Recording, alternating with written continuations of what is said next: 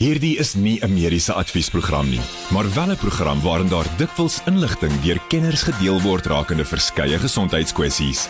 Vir persoonlike raad of advies, raadpleeg jou mediese dokter of sielkundige. Groot trauma met Pieter Kloete en dokter Jaco van die Kerk op Groot FM 90.5.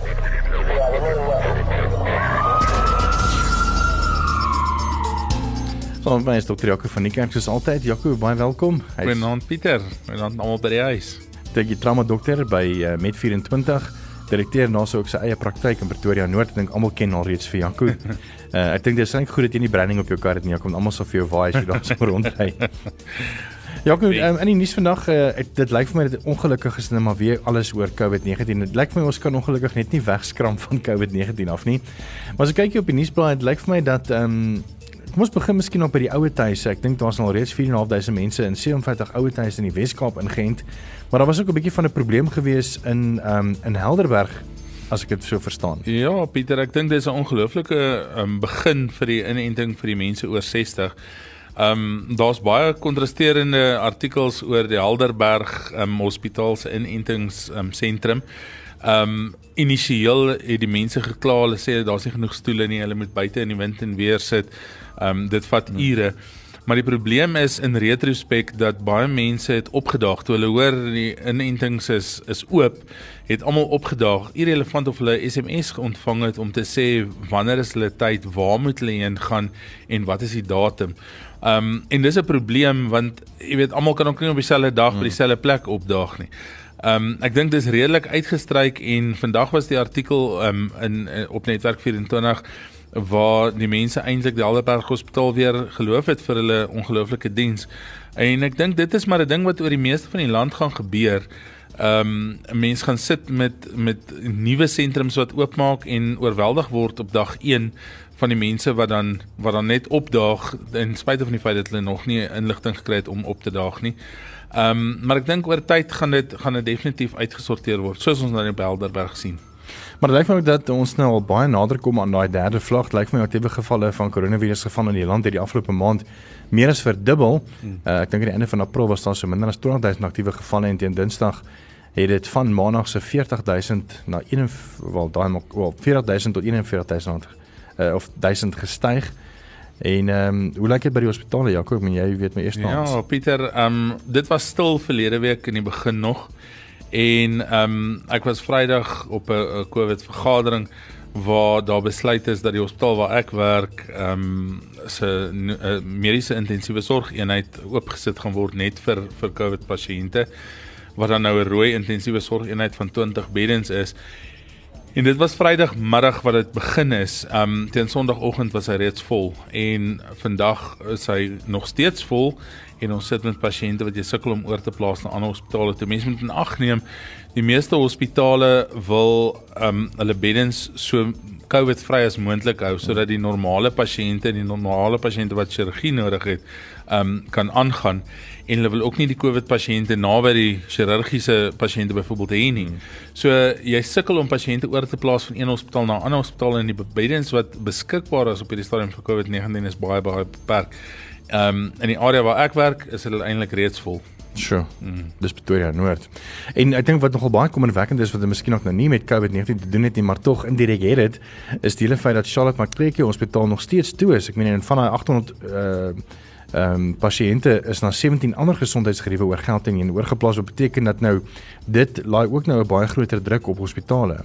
Ja, Pieter, ehm um, en is mense na die artikel gaan kyk, uh, professor Guy Richards Hy is hoof van intensiewe sorg um by by die Charlotte Mseke Hospitaal en hy's uh, hy's betrokke by opleiding ook daar. Um en hy lei eintlik 'n hele groep van spesialiste wat dan in, intensiewe sorg vir hierdie pasiënte gee en hulle het 'n groot groot um aantal pasiënte behandel in die tweede vlaag en hulle kon dit hanteer.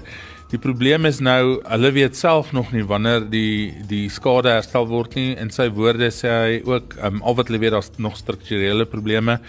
Ons weet die onkologie kan nie aangaan nie. Ehm um, tans lyk dit of die chirurgiese ehm um, lyste van waglyste al hoe langer word veral vir heup en knie operasies.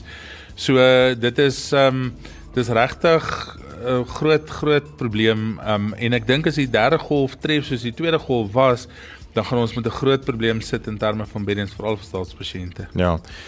Hoe belangrik hier is miskien ook nou 'n dom vraag, maar ek weet hoe belangrik is water. Kyk, baie hospitale, ek weet al by julle het julle darm 'n kragopwekker. Ja. Uh so krag is nie 'n probleem nie. Ek weet nie van water nie, maar ek meen hoor nou hierdie storie, weet jy, jy het seker raak gelees oor 'n Ja. pasiënt in die Helen Joseph Hospitaal in Johannesburg het noodgedwonge 10 liter water aanlyn bestel nadat water toevloei in die hospitaal afgesny is. Dit is natuurlik nou nie hospitaal se skuld nie. Ehm um, Joburg Water sê dit stel son probleme gehad in sy perseel by Brixton en Crosby. Dit het natuurlik nou veroorsaak dat die hospitaal nou sonder water gaan. Ek meen hoe- groot krisis is dit? Ja, Pieter, as 'n hospitaal nie water het nie, is dit 'n katastrofe. Jy weet, jy kan eintlik niks doen nie. Infeksiebeheer gaan by die deur uit. Chirurgie gaan by die deur uit. Ehm um, pasiënte Skus tog. Ek ek nie COVID nie hoor. Hulle gaan daarmee die, by die deure uit. Hulle Hulle bly daar maar nie water nie. exactly. Ehm um, so dis 'n dis 'n groot katastrofe en ek dink ehm um, mense die probleme wat daar daaruit voortvloei is dae en weke na die tyd. Selfs as dit net 'n dag is wat jy nie aan water het nie. Hmm. Dink aan gesonde mense, 'n gesonde mens by die huis, as jy 'n dag lank nie water het nie, is geïrriteerd nie, jy kan nie bad nie, jy kan nie water drink nie. Die toiletgeriewe is nie is nie ehm um, jy weet in werking nie. En as jy 'n vol hospitaal het met siek persone, is daai selfde probleme net soveel erger. En dan is hier nog 'n 'n de- derde of 'n 'n ander artikel wat wat praat oor rioolwater wat kan waarsku as die derde vlaag gaan toegla- ehm toeslaan. Maar ek wil hom eintlik hou as 'n storie vir net hierna. So bly geskakel ons 'n bietjie gesels oor wat rioolwater kan sê van 'n stad se gesondheid. Bly gerus ingeskakel daarvoor net hierna. Dan 'n bietjie later ook gesels ons 'n uh, bietjie oor uh, eerste hulp en noodhulp en die belangrikheid daarvan. En dan 'n bietjie later is ek weer vra vir Jaco, so as enige mediese vrae ek dink weet enige moeilike mediese vrae, uh, stuur gerus vir ons uh, jou uh, WhatsApp na 061 6104576 toe en is 'n bietjie later in die program is dit vra vir Jaco en hy beantwoord dan natuurlik jou vrae. Dit hoef nie oor COVID te wees of die onderwerp nie, dit kan enigiets wees, so stuur gerus daai WhatsApps. Groot trauma op Groot FM 90.5. Daar's nog 'n storie wat ek en Jaco oor wou wil gesels en, en dit sou natuurlik so 'n bietjie tyd opgevat het, so ons het hom gehou vir nou en dit gaan oor rioolwater wat kan waarsku as die derde vlaag gaan toeslaan. Maar Jaco, dis nie alwaaroor ek wil praat nie. Ek wil 'n bietjie vir jou hoor. Uh, ek meen dis baie ek is nou baie nuuskierig om te sien wat wat hulle jy uit gaan kry uit jou uit die rioolwater om te kan sê daar gaan 'n derde vlaag wees, maar ook wat se ander goed hulle uit hierdie rioolwater kan bepaal van hoe gesond 'n stad is. Ek meen as jy mens kyk na preskripsie medikasie, ehm um, pynmedikasie en daai goeters. Ja, Pieter, is eintlik baie interessant en as mense aan rioolwater dink, dan dink hulle uh, jy weet aan alles wat vieslik is. Maar ehm um, dit is eintlik baie belangrik dink ek aan die een kant om dit mooi te analiseer en om die stad en en die area waar uit daai rioolwater kom se gesondheid ehm um, te voorspel ook. Ehm um, in die artikel spesifiek praat hulle dan nou oor oor COVID-19 ehm um, waar jy die RNA van die virus in die water kan optel en mens weet as mense dan nou die virus begin uitskei dan is daar inkubasietydperk. Met ander woorde van jy siek word tot dit of vandat jy geïnfekteer is totdat jy siek word is daar 'n tydperk uh, wat wat verloop. So as jy vandag die RNA um, fragment in die water optel, gaan jy waarskynlik oor 'n week siek mense hê. Ehm um, so jy kan eintlik al voorspel wanneer daar 'n skielike toename in getal positiewe gevalle gaan wees deur net na die rioolwater te kyk, maar dit is ook so dat mense na die algemene gesondheid van die bevolking in daai area kan kyk deur byvoorbeeld soos wat jy gesê het te kyk na ehm um, voors, voorskrif medikasie vlakke in die in die water ehm um, mense kan waar die kriminele nou betrokke is, ehm um, die rekreasie ehm um, verdowingsmiddels of rekreasiemiddels ehm um, soos heroïne en daai klas van dinge kan 'n mens gaan toets in die water. Ehm um, maar mense kan ook ander bakterieë ehm um, gaan kyk en mense moet in ag neem waar die hele ehm um, uh uh uh waar die hele studie vandaan kom ehm um, uh uh uh van van hoe ander infeksies um in 'n in 'n omgewing versprei deurdat um die diere en die en die plante in daai area mm. ook dan besmet kan word met hierdie organismes. Ek dink wat ek nog graag sal doen, miskien ook 'n eksperiment wat ons miskien ook kan doen as 'n uh, miskien ook is vanaand die inleiding hiervan. Ja. Uh en ons kan 'n bietjie later in jou 'n bietjie terugvoer gee, maar as om miskien ook 'n to, toets te vat van nie hierdie holwater nie, maar wat 'n uh, rivier wat wat deur Pretoria loop byvoorbeeld Ja. sê van die mense om hom. Ek bedoel as mense nou miskien ook 'n paar samples vat van Morletta rivier. Ja. En mense doen toetse nie net weet om te bepaal of daar belagia en die gewone bakterieë wat mense Ja, in ja. riviere kry nie, maar ook die ehm um, goedes byvoorbeeld van ek bedoel as jy nou as jy nou 'n bietjie piepie, uh, dan is daar natuurlik goed wat uitkom soos byvoorbeeld uh, medikasiemiddels Ja. en daai goeders en al daai goed gaan in die gaan in die gaan in die uh, Systeem water in, ja. weet. En en ek wonder nogal en ek weet jy uh, miskien kan jy nie hierdie antwoord nie, ek kom jy's nou nie 'n watertegnikus nie, maar jy's baie slim nie. en ek dink jy kan dalk hierdie antwoord, maar ehm um, is is nog die hele ding van ek bedoel as hulle nou sê maar byvoorbeeld water Rand Water wat 'n waterpomp van van die Vaalrivier af uh en die Vaaldam af en daar is middels in ek meen soos byvoorbeeld jy weet uh, ouens wat dan dwelms gebruik het en ag Ja. ek meen hoe kry hulle al daai vuil goeders uit die water uit? Pieter ek ja, soos jy sê ek ek, ek weet nie presies in terme van van die detail nie, maar die hele suiweringsproses is dan 'n redelike um, 'n redelike groot en en diep en intense chemiese proses waar baie van daai middels afgebreek gaan word. Ehm um, so die oomblik wat jy skoonmaakmiddels en kloor en al hierdie klas van dinge in in die water byvoeg, dan gaan jy chemiese reaksies kry en ek dink meeste van die wetenskaplikes wat dan nou hierdie hele stelsel van watersuiwering ehm um, ontwikkel het, gaan definitief hulle somme gemaak het met watter middels kan jy bygooi om te reageer met meeste van hierdie goed. Maar ek is seker daarvan ehm um, 'n mens gaan waarskynlik van hierdie middels in kan kry. Ehm um, as jy dan- dan die water gebruik, maar dit gaan mikroskopiese hoeveelhede wees. Dit gaan regtig waar ehm um, geen effek hê nie en mens gaan dit waarskynlik nie eers in die persoon wat dit dan gebruik se bloed en of urine kry nie. Ehm um, ek het al gesit en wonder hoeveel van die water wat in ons krane loop was al deur een of twee persone gewees. Ehm um, in terme van uh, inname en uitskeiding en ek dink ons gaan geskok wees as mense regtig daai statistieke kry. Maar aan die ander kant ehm um, uit die aard van die saak die die suiwerings ehm um, aanlegte werk baie goed.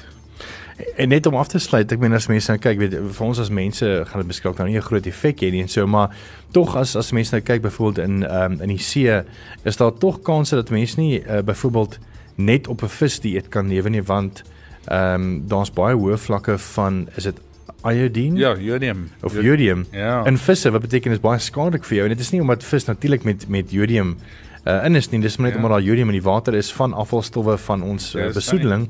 En uh, hulle lewe natuurlik in hierdie en, en hulle liggame absorbeer dit. En as ons dit eet dan kry ons ook dan daai Ja, en daar's sekere vissoorte wat baie meer van hierdie jodium dra as ander vissoorte. Um as mense bietjie gaan Google oor watse visse jy kan in swangerskap byvoorbeeld eet Sure. en watter nie is deels daarvan. Daar's swaar metale en goed ook in van die visse, maar um is jodium baie baie op die op die voorgrond. Jodium het ook 'n groot effek op op skildklierfunksie. Um en 'n mens moet moet dit ook in ag neem. Nou ja, net hierna gesels ons 'n bietjie meer oor eerste hulp en die belangrikheid daarvan. Ons gaan so 'n paar artikels wat die afgelope 2 weke in die nuus was vir jou uitlig uh, en om jou te ooreed om regtig te dink daaraan om bietjie jouself te empower is die Engelse woord wanneer dit kom met opleiding by noodhulp en die meer. So bly gerus ingeskakel daarvoor. Maar dis nou eers tyd vir Janko se mite minuut. Vanaand praat ons oor oor noodhulp en ek dink ehm um, daar moet twee mites gebreek word in terme van noodhulp. Die meeste mense glo dat as jy 'n neusbloeding het, moet jy jou kop agtertoe ehm um, hou sodat die neusbloeding kan stop en die teendeel is eintlik waar. Jy moet vorentoe gaan sit, jy moet jou neus tussen jou indeksvinger en jou duim vasdruk en jy moet hom ten minste 10 minute daar hou. Die oomblik wat jy agtertoe ehm um, uh, tilt met jou kop, dan loop daai bloed in jou keel af, eindig in jou maag en enige bloed in die maag gaan jou naar maak en jy sal braak. Ehm um, so dis baie baie belangrik.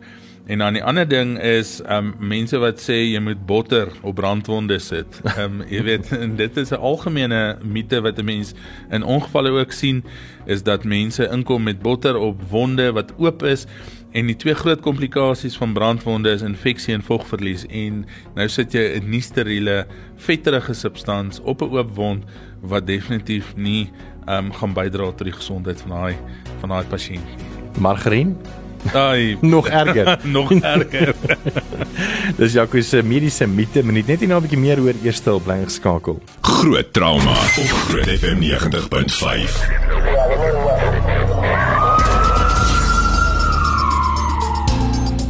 Welkom terug. So 32 minute oor 8. Dis groot drama. Ek is Pieter Kloete saam met Dr. Jaco van die kerk en ek verwelkom ook nou vir Helene van Wyk.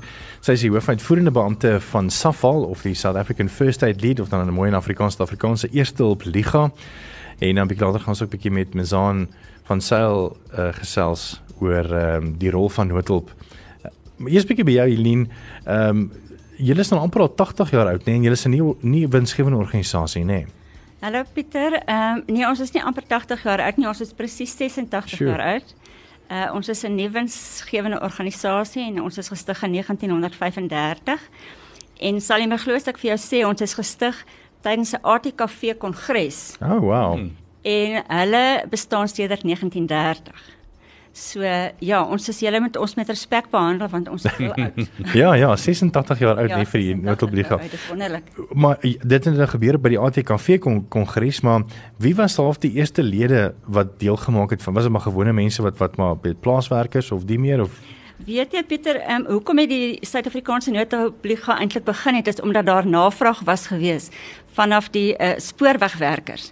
Want hulle was baie ongelukkig geweest en daardie stadium was noodhulpopleiding slegs beskikbaar geweest in Engels.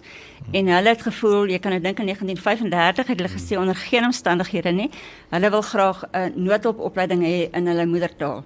En toe die die idee ontstaan om 'n uh, noodhulp noodhulp liga te begin wat destyds toe hoofsaaklik uit lede bestaan het. Dis hoe dit begin het, ja. En is nogal baie interessant. Ek dink um, jy het vroeër vir my gesê van weet hoe dit daai tyd gewerk het was dat weet lede het lede geld betaal en dan daarvoor het hulle dan die kursus uh, of hulle kon dan opgelei word as noodhulpwerkers en dan kon hulle ook dan ehm um, noodhulp doen nie waar nie. Weet jy Pieter wat gebeur het is ehm um, die die lede het lede gelde betaal wat minimaal was en in ruil vir die lede geld wat hulle betaal het, het hulle dan ehm um, opleiding ontvang en in ruil vir die opleiding wat hulle ontvang het, het hulle dan dienste gelewer by sportbyeenkomste. Okay. En weet jy Pieter in in uh toe die noodhulpliga 50 jaar oud was, ek en my Zaan het afgekom op 'n klein kaartjie wat hulle toe um uitgedeel het as so 'n halfe herdenking, maar dit is so mm. fyn geskryf jy moet dit met 'n vergrootglas kyk. Um waar daar gestaan het dat hulle toe hulle 50 jaar oud was, het hulle 33000 lede gehad. Dis nogal dit is nogal 'n klomp hoor. Ja. So dis 'n regtige ou geskiedenis en ons is baie trots. Jy weet ons is trots daarop, hmm. maar die landskap het beslis verander. Die wêreld lyk vandag heeltemal anders. Ja. Ek, ek is nogal baie nuuskierig. Ek dink wat ek hou mos maar van hierdie goedes. Ja. Uh, ek ek is baie nuuskierig om te weet, miskien ook weet hoe die kurrikulum gelyk daai eerste paar jaar in 1935 teenoor wat dinge nou daarna uitsien wanneer mens kyk na noodhulp. Ek meen Jaco, jy weet self, ek meen toe jy gestudeer het, ja, was julle handboeke, ek meen nou staan definitief van julle handboeke wat eintlik al outdated is nie. Definitief Pieter, ek dink as mens gaan kyk na die geskiedenis van net noodmedisyne as sulks, ehm um, jy weet ek ek glo die goed het modes wat inkom en modes wat uitgaan. 'n Simpel ding soos 'n tourniquet het jare terug gebruik en dit was die beste ding ooit en toe's daar 'n tyd wat almal gesê het los die ding jy gaan bene en arms en goed verloor en ons gebruik dit vandag weer. Ehm um, jy weet ons het onlangs was ek betrokke in 'n in 'n motorfietsongeluk met 'n traumatiese amputasie van 'n been. Ehm um, waar ons 'n proper tourniquet opgesit het en die e tourniquet eers in teater afgehaal het. Ehm um, waar daai ou se lewe gered geword het. Jy weet so die dinge verander so en party goed wat in die mode is gaan uit die mode en weer kom weer terug. Ehm um, so dis baie interessant om te sien hoe die goed verander, maar daar's 'n dramatiese verandering in enige vorm van noodhulp, nooddiens, ehm um, noodmedisyne sulks definitief. Ons gaan net nou 'n bietjie verder gesels oor die belangrikheid van noodhulp, so bly gerus ingeskakel. Ons is nou ons is nou weer terug. Groot trauma met Pieter Kloete en dokter Jaco van die Kerk op Groot FM 90.5.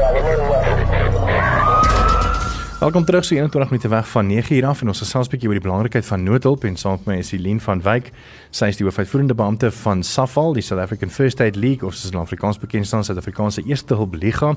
Hulle bestaan nou al reeds 86 jaar wat regtig 'n groot prestasie is vir die organisasie. Begin deur die ATKV. Uh, as jy nou net ingeskakel het en nie hele storie gehoor het nie en ons gaan 'n bietjie later ook met Mizaan van Sail gesels uh, juis oor die belangrikheid van uh, noodhulp. Helene, ek wil of Helene, ek wil net gefin of jy by jou stil staan oor ehm um, stories. Ek meen 85 jaar, daar seker ongelooflike stories wat mense vertel van mense wat lede was van van Safal in die in die begin of al nie, miskien ook in die beginjare nie, maar definitief in die in die middeljare van van die organisasie. Ja, Pieter, ek is seker daarvan daar's heelwat mense wat vanaand inluister, ehm um, wat onthou van van stories van oumas en oupas wat lede was in die tyd toe daar nog letterlik ter duisende lede reg oor die land was. Ehm um, en dis vir ons wonderlik as ons van tyd tot tyd van mense hoor wat of skakel of ons 'n e-pos stuur. Ehm um, en dan met nostalgie gesels oor oor die stories wat hulle by die oumas of die oupas gehoor het. Ehm um, so dit is dit is vir ons lekker om om deel te wees van so van so 'n ryk geskiedenis en ehm um, ons glo regtig waar dat alhoewel die wêreld vandag 'n totaal ander plek is as wat dit daai tyd was toe dit gestig is, is daar steeds plek vir ons om opleiding te doen in noodhulp. Uh en ons glo steeds dat die basiese opleiding in noodhulp 'n mens se lewe kan red, soos wat ons nou laasweek in die koerante gesien het. Ehm um, Pieter, so dit is dit is steeds vir ons noodsaaklik dat mense opleiding kry, basiese opleiding kry sodat hulle uiteindelik 'n lewe kan red. Hoekom is noodhulp belangrik, Misan? Um ek dink noodhulp is belangrik omdat dit mense regtig um help met die basiese vaardighede om iemand se se lewe te kan red. Noodhulp bestaan eintlik maar uit um vaardighede om 'n pasiënt te kan stabiliseer en dit beteken baie keer dat dit net ondersteunende um behandeling is, maar dit is behandeling wat op die ouene dan iemand se lewe kan red. Van die belangrikste vaardighede waarna ons kyk is hoe om korrek KPR te doen, hoe om bloeding te stop en hoe om frakture te immobiliseer en dan ook natuurlik wat baie belangrik is hoe om iemand te help wat besig is om te verstik. Um 'n noodhelper is gewoonlik die eerste persoon wat op 'n toneel is, maar wat baie belangrik is om te onthou is dat dit nie 'n dokter of 'n paramedikus is nie. Um maar dit daardie persoon vorm wel deel van die voor voorhospitaal se noodhulp span en daardie persoon kan help in die proses, in die kettingspan om iemand se lewe te red. Ek meen net in die afgelope week was daar twee artikels gewees op Netwerk 24 een wat oor 'n baba wat in 'n waakeenheid is nadat hy met biltong verstik. Ek meen hoeveel ouers gee net 'n stuk biltong vir hulle ehm um, vir hulle klein kindertjies net om te suig nie, jy weet net die tuintjies, ja. Uh en so iets kan so vinnig gebeur, weet en as jy nou nie weet wat om te doen nie, dan is jy weet soos hierdie ma in die in die volgende artikel wat gaan inkopies doen net en haar kind het toe verstik en letterlik het almal net omgedrom ehm um, en op hulle knieë geval en gebid vir die baba wat verstik en niemand geweet wat om te doen nie. Gelukkig het die kind dit natuurlik daardeur getrek en is nou weer ehm um, weer gesond ehm um, en kan kon toe nou weer asemhaal die meer toe noodwerkers daar kom. Maar ek meen dit kon heeltemal anders uitgedraai het waar ehm um, die kind kon doodgegaan het. Ja definitief Pieter en ek wil ek wil aansluit. Ek dink die heel belangrikste persoon in die behandeling van 'n van 'n pasiënt wat in 'n noodsituasie is, is die eerste hulpwerker of die die noodhulpwerker wat hom eers te sien. Want as hulle nie daar is nie en nie die regte goed doen nie, kan ek op my kop staan, ek kan in uh, eh, ICU staan en speel, maar ek gaan nooit daai pasiënt sien nie. Hmm. Ehm um, ek gaan sit en niks doen heeldag nie. So die die uitkoms van 'n pasiënt is ook baie belangrik. Ehm um, dit wat jy begin doen, bepaal die uitkoms van jou pasiënt oor 2, 3, 4 dae ook van nou af. En as dit van die begin af reg gedoen word, dan maak dit ons almal se werk makliker, maar ons kry actually 'n pasiënt waar 'n pasiënt wat verstik byvoorbeeld en nie reg hanteer word nie, gaan dood op die toneel waar ons hom graag sal wil hê um, in die hospitaal eventueel. Hmm. Ek dink as ek kan bylas, ek dink die belangrikheid van opleiding van noodhulp en die meer is juis om vir jou te leer die die stappe in die link wat jy moet volg in hierdie gas. Nou ek weet baie mense wat miskien dalk nou reeds by 'n ongelukstoneel was of betrokke was sal weet dis gas. Dis gas. Jy weet baie keer nie regtig nou hoorie maar wat om te doen nie. En ek dink hierdie noodhulp en en en die eerste first responder kursusse en natuurlik ook die American Heart Association en BLS bring af daai ehm um, bietjie van struktuur in hierdie chaos. Uh, ek dink 'n baie goeie voorbeeld is weet byvoorbeeld as jy net op 'n toneel kom en dis dit is net glasstukke en daar's kar en alles is is die eerste ding wat jy moet wat jy eintlik moet onthou is is die 3 H's, jy weet. Ja. Ja, yeah, is it hello and help. Dis, en daar het jy al klaar vir jou struktuur uh om te volg in in in volgorde om dan te kom waar jy is. En ek dink dit maak jou rustig ook. Onthou in 'n noodsituasie sê maar 'n ongeluk of wat ook al dan is almal het geskrik. Almal is in die wat baie baie mense wat geskrik is sommer geïrriteerd en kort af en en en kwaad ook net daaroor of dit nou iemand se skuld is of nie. Um en die oomblik wat jy in jou gedagtes net 'n stelsel en 'n struktuur het, dan is daai angstigheid en daai bangheid of daai aggressiwiteit wat baie mense eintlik bangheid is, is ook heeltemal weg. Um en dit dit help ook om daai struktuur te hê dat jy nie in 'n ding in hardloop Um voordat jy nie weet dit gaan vir jouself ook veilig wees om daarin te hardloop nie. Help nie jy twee pasiënte um aan die einde van die dag uh, omdat jy nou 'n uh, held wou wees nie. Mm. Mm. Pieter, ek wil sommer daarby las. Um ek sê baie keer vir mense uh, gedurende noodhulpopleiding dat noodhulp ehm um, noodhulpopleiding en hoe om iemand te help is eintlik inherënt in ons. Dit is deel van ons oorlewingsvaardighede. Soos wanneer jy jouself sny, sal jy dadelik jou hande op sit. En wat ek baie keer doen met noodhulp, wat ek voel ek ek doen tydens opleiding is om net daardie daardie daardie vaardighede en daardie skills wakker te maak en dit net in 'n volgorde vir mense te sit. Hmm. So dit is daar, dit is binne in ons. Noodhulpopleiding help net dit net om dit om dit wakker te maak eintlik. En dis wat het, wat ongelukkig nie gebeur het nie, maar gelukkig was daar 'n goeie uitkomste gewees, weet gelukkig. Ehm um, met die vrou wie se babatjie verstik het byvoorbeeld. Ek meen hoekom hoekom verstik 'n kind? Mesaan. Um 'n verstikking gebeur hoofsaaklik wanneer daar 'n blokkade in 'n persoon se boonste ligweg is. Um en die blokkade veroorsaak dat 'n persoon dan op die ou en nie meer kan asemhaal nie. Daar's twee tipes blokkades. Die een is 'n gedeeltelike blokkade waar die persoon nog tot 'n mate kan hoes um of vir, vir hulp kan vra en dan kry jy ook jou volledige blokkade waar 'n persoon glad nie kan hoes nie. Um hy kan ook nie om hulp vra nie en dit is wanneer 'n persoon ook in sy gesig mag blou begin raak as gevolg van 'n tekort aan suurstof maar ek dink Jaco kan dalk vir ons bietjie meer mediese details gee, besonderhede gee rondom presies wat gebeur in mense ligweg wanneer mens verstik. Ja, die groot ding is maar soos presies soos jy gesê het, die daar's 'n daar's 'n afwesigheid of 'n baie sterk inkorting van lugvloei en ons ons raak hipoksies, ons raak suurstof ons kry suurstof armoede. Ehm um, en dit help baie keer ehm um, as 'n persoon 'n volledige obstruksie het soos wat ons nou gesê het en hulle ehm um, kry 'n hipoksie en hulle verloor op 'n stadium bewussyn. Alles ontspan dan. Dan is dit net soveel makliker om dit te doen. Waar meeste mense gaan nou baie gespanne wees as iemand hmm. regop staan en hulle kan sien die ou verstik en nou verloor hy bewussyn. Dan dink almal hy's nou dood of iets. En dit gebeur nie. Dit gebeur nie altyd so nie, jy weet. Ehm um, eintlik kan dit jou help dan. Maar as jy nie opgelei is daar nie en jy weet nie wat om dan volgende te doen nie, dan gaan jy gespanne raak en jy gaan niks doen nie. So ehm um, ja, dit is 'n dis 'n dis 'n ding wat skielik gebeur. Dis 'n ding wat almal op hulle senuwees maak. Ek het ek het 'n ruk terug 'n vrou gehad. Ek weet nie hoe sy so groot stuk styk gesluk gekry het. Want ek het dit met 'n tang uit haar lig weg uitgehaal. Maar styk is lekker, ons gaan nie daar. Ja, maar jy moet nie halwe bees eet op 'n slag nie. Sy was nog baie honger geweest. Ja. Actually wil sê ek het ek het mense geroep om te kom kyk. Hoe groot stuk vleis ek het daai lig weg uitgekry. Jy gaan verbaas wees ja, wat mense sluk. jy wil nie weet nie. Ehm um, jy gaan verbaas wees wat mense baie keer sluk en wat net daar staan obstruksie veroorsaak. Mm. Ek het 'n 'n 'n jong kind gehad op 'n stadium wat hierdie goedjies wat ehm um, hierdie tea light candles hierdie wat so in 'n blink bakkie sit met die met die kersie. Aan die onderkant het hy so 'n disk en ehm um, die kind het gesit en speel daarmee en daai disk ingesluk. Mm.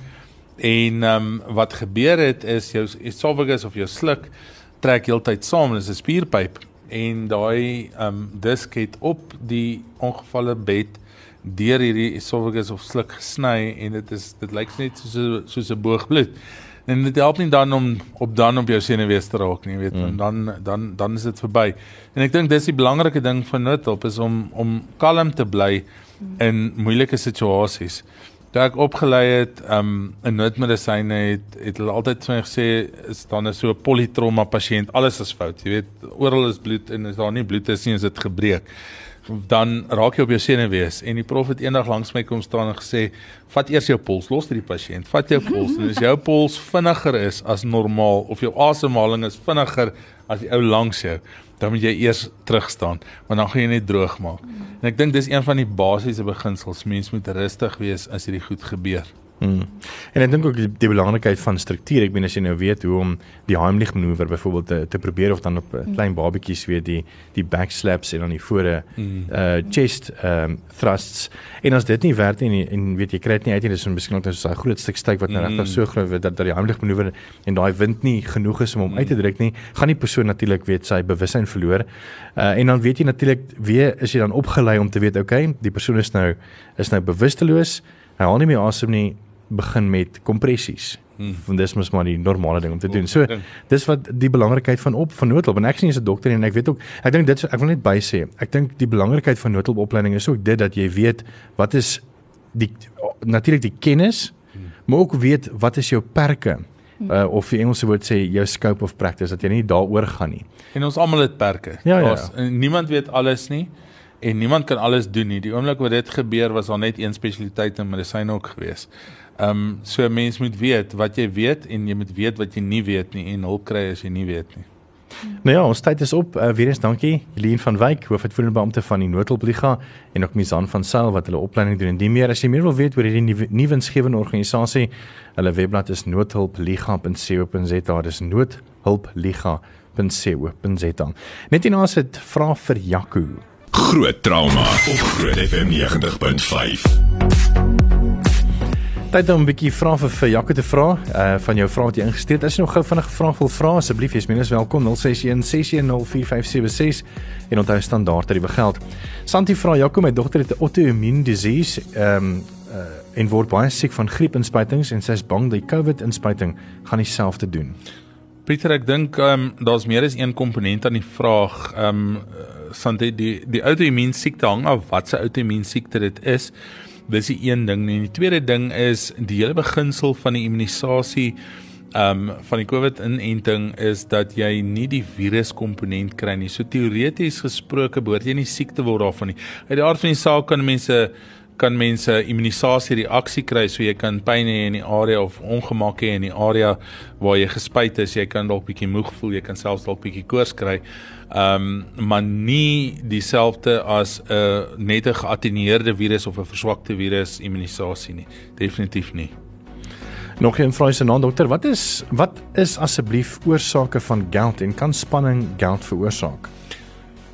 Ehm um, gout klassiek gewys um is verhoogde urinesuur in die bloed en mense moet onderskei tussen urinesuur en ureum want baie mense doen 'n nierfunksie toets en dan vra hulle het 'n gout en ureum en urinesuur is nie dieselfde ding nie.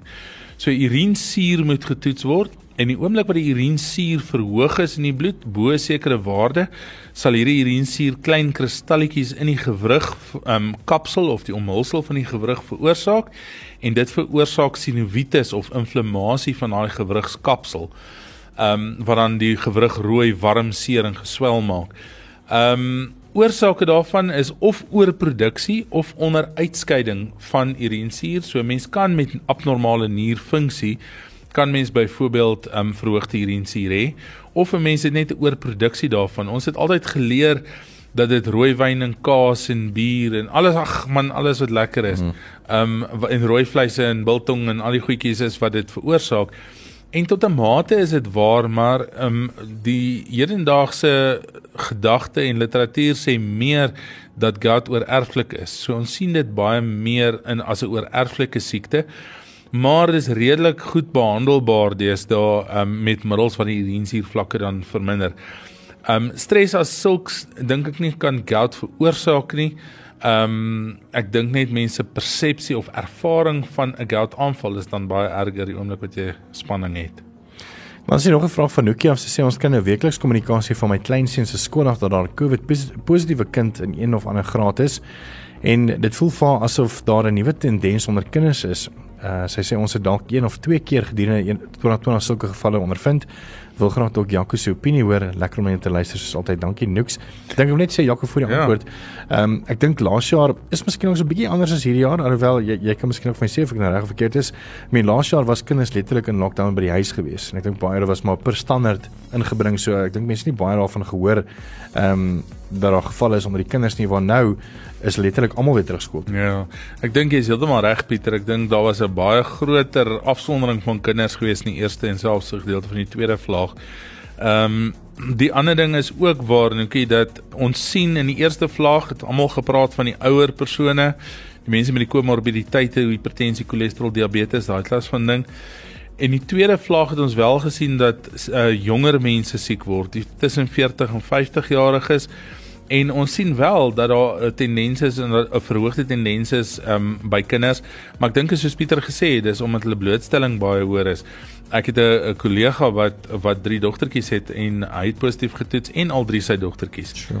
um, ek dink nog steeds is die komplikasiesyfer by kinders baie minder. Ehm um, alhoewel ek sien 'n artikel wat sê daar is 'n verhoogde insidensie van miokarditis of inflammasie van die hartspier Ehm um, maar veral by seentjies ehm um, sou hulle COVID kry, maar die insidensie is nog steeds baie baie laag. Ehm um, en iets soos 'n myokarditis in 'n in 'n jong kind gaan gewoonlik sonder enige komplikasies verby. Ehm um, solank hulle net gediagnoseer en hanteer word. Maar ek dink daar's definitief jy is heeltemal reg 'n verhoogde insidensie van kinders wat positief getoets word in die laaste in die laaste ruk. Dankie vir julle vrae vir Jaco. Ons doen volgende week Woensdag weer so. Dit was groot trauma. Ek is Pieter Kloete en saam met dokter Jaco van die kerk, trauma dokter en direkteur by Med24 dan Montana en ook sy eie praktyk. En dis net vir groot trauma vanaand. Jaco, dankie. Dankie Pieter. Tot volgende week en natuurlik sal ons kyk of hierdie pot gooi so teen die einde van die week op ons webblad kan wees onder podcasts. Jy moet mooi aanteeg. Geniet meer musiek tot môreoggend 5uur wanneer ek weer vir jou gaan wakker maak. Ek wil net gefvinnig sê, ek voor ek vergeet, ehm um, 'n baie belangrike kennisgewing wat ek nou nog nie met jou gedeel het nie. En dit is uh, die volgende as jy net gefvinnig hierna luister.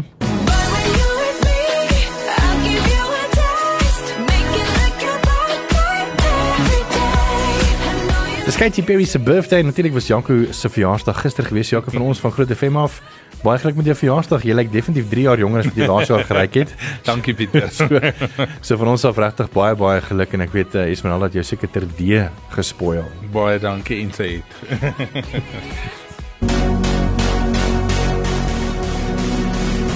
Ja, dis dit vir groot trauma.